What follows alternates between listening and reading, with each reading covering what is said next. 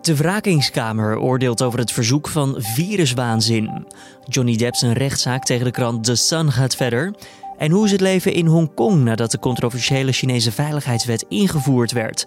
Dit wordt het nieuws. Wat ik nu normaal gesproken doe, is dat plotseling verboden of niet? En waar zou dat toe leiden? Ja, dat kan ertoe leiden dat mijn mensen vervolgd worden. Kan ertoe leiden dat ik de zaak moet sluiten. Dus het leidt tot heel veel voorzichtigheid en, en, en dat mensen dingen gaan doen die ze, waar ze eh, tot een week geleden niet over nadachten. De protesten tegen China en de nieuwe veiligheidswet houden Hongkong nog steeds in de houtgreep. Echter, door de gevolgen van de regelgeving moeten de demonstranten creatief zijn. De wet stelt China in staat om harder op te treden tegen oppositiepolitici en activisten. Zo praten we verder over deze nieuwe wet met China-deskundige Fred Sengers. Eerst kort het belangrijkste nieuws van nu. Mijn naam is Julian Dom en het is vandaag dinsdag 7 juli. Niet alleen bij de kinderopvangtoeslag, maar ook bij de inkomstenbelasting werden de afgelopen jaren tienduizenden mensen als fraudeur gekenmerkt. Dat concluderen Trouw en RTL Nieuws op basis van interne documenten, vrijgegeven stukken en gesprekken met ambtenaren en betrokken burgers. De slachtoffers moesten zelf aantonen dat zij geen fraudeur waren en kregen soms nog jaren te maken met extra controles. Ook belastingadviseurs werden soms bestempeld als persoon die fraude mogelijk zou maken, waarna ook de klanten bij onderzoeken betrokken raakten. Het is onduidelijk welke bewijzen de Belastingdienst voor deze zogenoemde fraude heeft. In Nederland is in de eerste zes maanden van dit jaar minder stroom verbruikt dan in diezelfde periode vorig jaar. Netbeheerder Tennet spreekt van enkele procenten minder. Volgens een woordvoerder moet gedacht worden aan een daling van lager dan 5 procent. De oorzaak zoekt de netbeheerder vooral bij bedrijven en instellingen die door de COVID-19-uitbraak grotendeels of in zijn geheel stil kwamen te liggen. Over 30 jaar is het aantal Nederlanders met een migratieachtergrond gestegen naar 30 tot 40 procent. Dat blijkt uit cijfers van het onderzoeksinstituut NIDI en het Centraal Bureau voor de Statistiek. Iemand heeft een migratieachtergrond als tenminste één van de beide ouders buiten Nederland is geboren. Momenteel is dat het geval bij zo'n 24 procent van de bevolking. Vijf vervoersbedrijven nemen juridische stappen tegen het ministerie van Infrastructuur en Waterstaat vanwege de monopoliepositie van de NS op een groot deel van het Nederlandse spoor. Vorige maand besloot staatssecretaris Stientje van Veldhoven om de exploitatie van het hoofdrailnet tot 2035 aan de NS te gunnen. Onder meer Arriva en Transdev zijn het daar niet mee eens en noemen dat besluit onzorgvuldig, overhaast en in strijd met Europese regels. Nederland loopt volgens de vervoerders achter in Europa met de verplichte liberalisering van het spoornet. De drie CDA-lijsttrekkerskandidaten hadden maandagavond tijdens hun debat veel complimenten voor elkaar. Over landelijke samenwerking met Forum voor Democratie, het onderwerp waar het voorafgaand aan dit debat veel over ging, werd niet gesproken. De partij had baat bij het voorkomen van een slechte onderlinge strijd, zoals in 2017 bij de PvdA gebeurde. Toen vielen Lodewijk Asscher en Diederik Samson elkaar hard aan. De toekomstige lijsttrekker bepaalt mede de koers van de partij richting de Tweede Kamerverkiezingen volgend jaar. Groningen en Drenthe hebben maandag per direct een tijdelijk verbod ingesteld op het demonstreren met landbouwvoertuigen. Friesland overweegt volgens Omroep Friesland een soortgelijk verbod en komt waarschijnlijk vandaag met uitsluitsel hierover. Boeren protesteerden maandag voor de vijfde achtereenvolgende dag tegen de veevoermaatregel van minister Carola Schouten. De protesten hebben volgens de veiligheidsregio's geleid tot opstoppingen en gevaarlijke situaties. De politie moet nu het ingestelde verbod handhaven. En dan over naar ons gesprek van deze dinsdag. Verzet lijkt zinloos nu verdere invloed van China toch is gekomen in Hongkong. En dat in de vorm van een nieuwe veiligheidswet die vorige week is ingevoerd. Dat is althans het gevoel van een grote groep Hongkongers. Door de wet is het verboden geworden om te streven naar afscheiding van China. Inmenging van het buitenland mag niet en staatsondermijnende activiteiten zijn illegaal. Tegenstanders van de wet zeggen dat de regels zijn bedoeld om de oppositie de kop in te drukken. China zegt dat de wet voor stabiliteit moet zorgen. Wat zijn de gevolgen? Nou, honderden mensen zijn inmiddels opgepakt en duidelijk is dat bij sommigen dat is gebeurd op basis van deze nieuwe veiligheidswet. Collega Corné van der Brink vroeg aan China-deskundige Fred Sengers wat deze mensen precies verkeerd zouden hebben gedaan. Ja, de wet is vanaf 1 juli direct in werking getreden. En, en we hebben eigenlijk vanaf dag 1 gezien dat, uh, dat er ook door de politie wordt opgetreden. Nou is het uh, zeker niet zo dat al die honderden arrestanten waar we het over hebben, dat die allemaal op basis van die nieuwe National Security Law zijn aangehouden. maar een aantal, daar, daar weten we dat wel van. En dat waren, vond ik opvallend genoeg, eigenlijk betrekkelijk onbenullige overtredingen. Ja, er was bijvoorbeeld een, uh, een arrestant die een spandoek met het woord geweten met zich meedroeg. Nou, dat, eh, dat, dat lijkt me niet echt een hele zware overtreding op zichzelf. En, en er was ook een zaak die, mensen hebben dat misschien wel op internet het filmpje gezien. Een 23-jarige man die, uh, die inreed met zijn motor op agenten. Die wordt aangeklaagd voor terrorisme. En dan niet vanwege het feit dat hij met die motor inreed op, op die politiemensen. Maar omdat hij daarbij een vlag bij zich had met een oproep tot een onafhankelijk Hongkong. Dus het lijkt erop dat die onzekerheid die je eigenlijk in de hele stad ziet over deze wet, dat dat misschien bij de politie ook al een rol speelt. Dat ze ook nog niet precies weten hoe ze met die wet moeten omgaan. En ja, dat heeft denk ik veel mee te maken dat de wet in de stad is geparachuteerd en van de ene op de andere dag in werking is.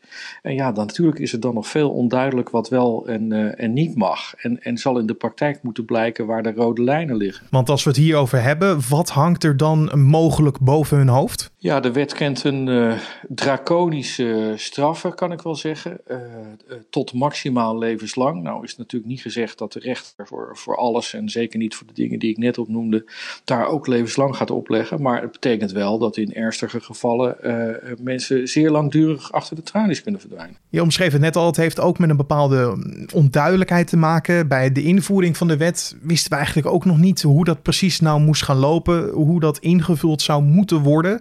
Nu een week later zijn we al iets wijzer geworden? Nou ja, je ziet dat iedereen daar een beetje zoekende naar is en, en, en voorzichtig is. En dat leidt ook tot zelfcensuur. Een mooi voorbeeld vond ik van, uh, vandaag de bibliotheken die boeken van protestleiders uit de schappen weghalen. Dat doen ze niet omdat dat moet van de overheid, maar omdat ze bang zijn dat ze die nieuwe wet overtreden.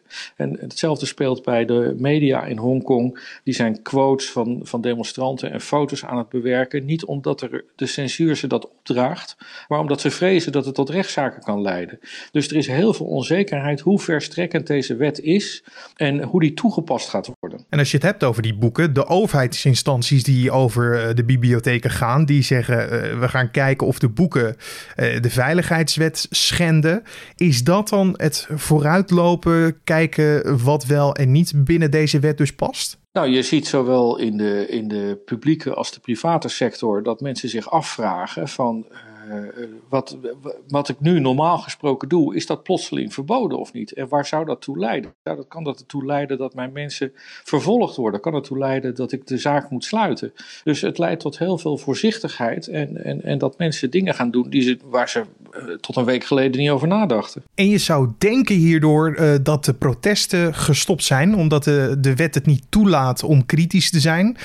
Maar ze hebben daar een oplossing voor gevonden. Hè? Ja, ik denk wel dat je uh, nu echt een waterscheiding krijgt tussen, uh, tussen een, een, hele grote groep mensen die zegt van ja, de, de inzet wordt me nu te groot. Ik, uh, ik laat niet meer zo duidelijk van me horen. Maar er is inderdaad nog steeds een groep die, die, die, die, die vocaal aanwezig is in, in Hongkong. En die probeert ook een andere manier te vinden om uh, toch te kunnen demonstreren zonder dat ze die, uh, die wet direct overtreden. Die zijn eigenlijk ook de speelruimte aan het ontdekken. Want uh, we hoorden vorige week al dat de slogan waar de protestbeweging zich van bedient, bevrijd Hongkong, de revolutie van onze tijd. Nou, dat wordt dan door de autoriteiten beschouwd als een oproep tot separatisme. Dat zou dan verboden zijn. Dus net als de Chinezen op het vasteland, ja, die zijn ook heel vindingrijk om censuur te ontwijken en de autoriteiten een beetje te misleiden. En dat doen ze nu in Hongkong ook. Kunnen ze dat kunstje ook. En een mooi voorbeeld daarvan zag ik vandaag. Uh, dat, je, je, hebt misschien wel eerder die Lennon Walls gezien. Dat zijn dan muren in de publieke ruimte waarin mensen hun wensen of boodschappen op de muur plakten.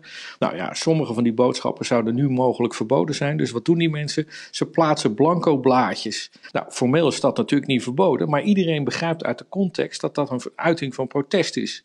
En zo zie je meer woordspelletjes. Uh, ik zag online voorbij komen de uitspraak uitspraak verover bananen terug. Nou, dat lijkt natuurlijk falikante onzin, behalve als je weet dat de karakters van Hongkong en bananen veel op elkaar lijken. Dus het is een woordspel dat je toch iets kan zeggen zonder dat je er ja, echt aan gehouden kan worden door de autoriteiten. Luisterend naar wat er zich dus afspeelt in Hongkong en ook de onzekerheid. Is dit dan het begin, het officiële begin van eh, het einde van de autonomie in Hongkong? Ja, nou ja, daar heb je een beetje een glazen bol voor nodig. Kijk, eh, eh, waar het de, de autoriteiten in, in Beijing en ook in Hongkong zelf om te doen was, was om een einde te maken aan die enorme turbulente periode van demonstraties, die soms ook met flink veel geweld gepaard gingen.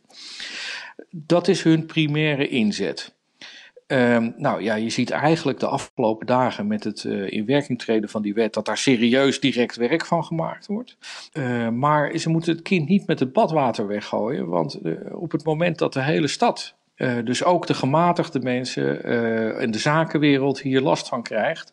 En zegt van ja, dit, is een, uh, dit, dit, raakt niet alleen de mensen waarvoor de autoriteiten altijd gezegd hebben dat hij bedoeld was, hè, voor gewelddadige extremisten. Maar dit raakt iedereen. Ja, dan, dan, dan, dan het kind met het badwater weg. Want dan, dan komt ook de positie van Hongkong als zakenstad in gevaar. En dan Fred, kijkend naar hoe de rest van de wereld hierop reageert. twee landen staan momenteel zogezegd lijnrecht tegen tegenover elkaar.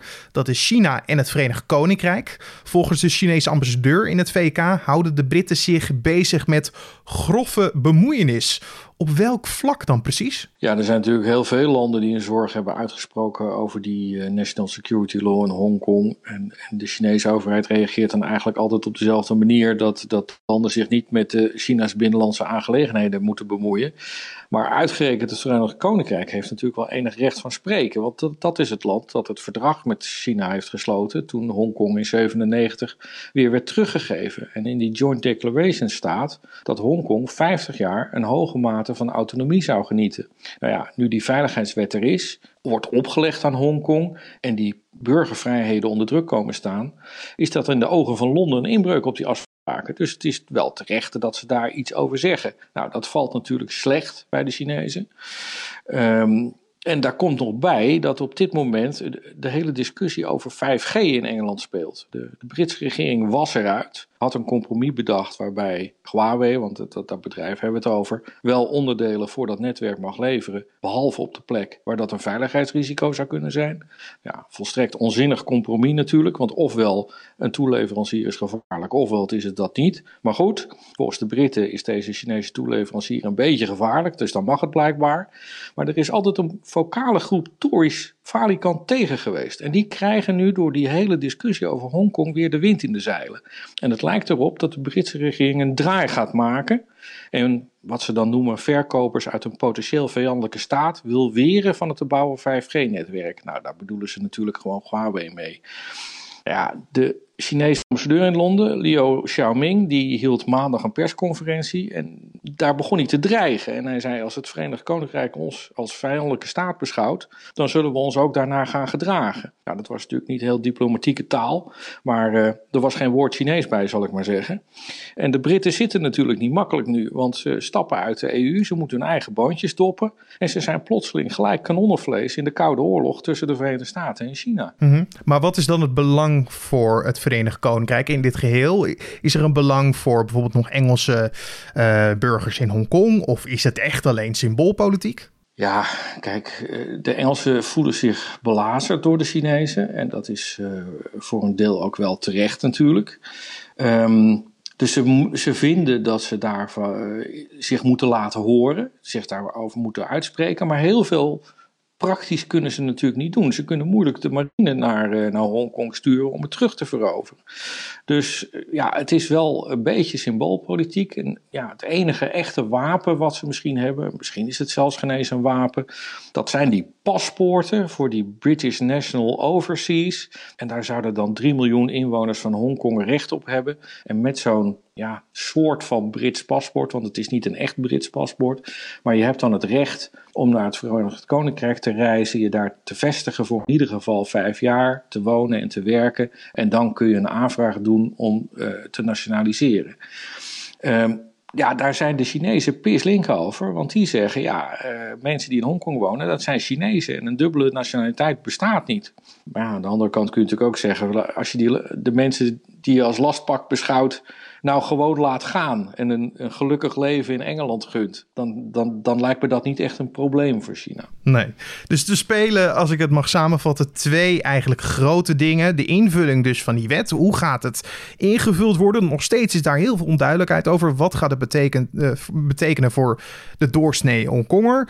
En aan de andere kant eh, het Verenigd Koninkrijk die boos is op China omdat ze zich niet aan de afspraken houden. En China boos is omdat ze zich te veel aan het bemoeien zijn. Uh, de, hoe gaan we de toekomst in, denk je? Ja, je hoopt natuurlijk altijd dat als eh, China-deskundige dat je zo'n vraag uh, klip en klaar antwoord kan geven, Carné. Maar in dit geval uh, denk ik dat we geduldig moeten zijn en gewoon af moeten wachten hoe het zich nou in de praktijk ontwikkelt. Want ik heb het gevoel dat de hoofdrolspelers in dit dossier zelf ook allemaal niet precies weten hoe het verder moet. Ehm, dus ja, de, de tijd zal het leren, ben ik bang. Daar hoorde je collega Carné van der Brink in gesprek met China-deskundige Fred Sengers. Dan verder de nieuwsagenda voor deze dinsdag. De wrakingskamer van de rechtbank in Den Haag oordeelt over het verzoek van de actiegroep Viruswaanzin. Dat draait om de vraag of de rechter voor ingenomen is geweest bij het kort geding van laatst. Eind vorige maand eiste Viruswaanzin namelijk dat de overheid zou stoppen met de coronamaatregelen. De betogers wilden dat zaken zoals de anderhalve meter afstand afgeschaft zouden worden.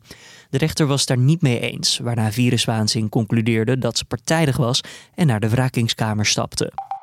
En in Groot-Brittannië begint de rechtszaak van Johnny Depp tegen News Group Newspapers. Dat is de uitgever van de Britse krant The Sun. Het proces gaat over een artikel van 2018 waarin de acteur een vrouwenmishandelaar wordt genoemd, omdat hij zijn ex-vrouw Amber Heard zou hebben mishandeld. Volgens Depp klopt daar niets van en heeft de krant geen bewijs voor die beschuldiging. De zaak zal drie weken duren en Johnny Depp eist een schadevergoeding.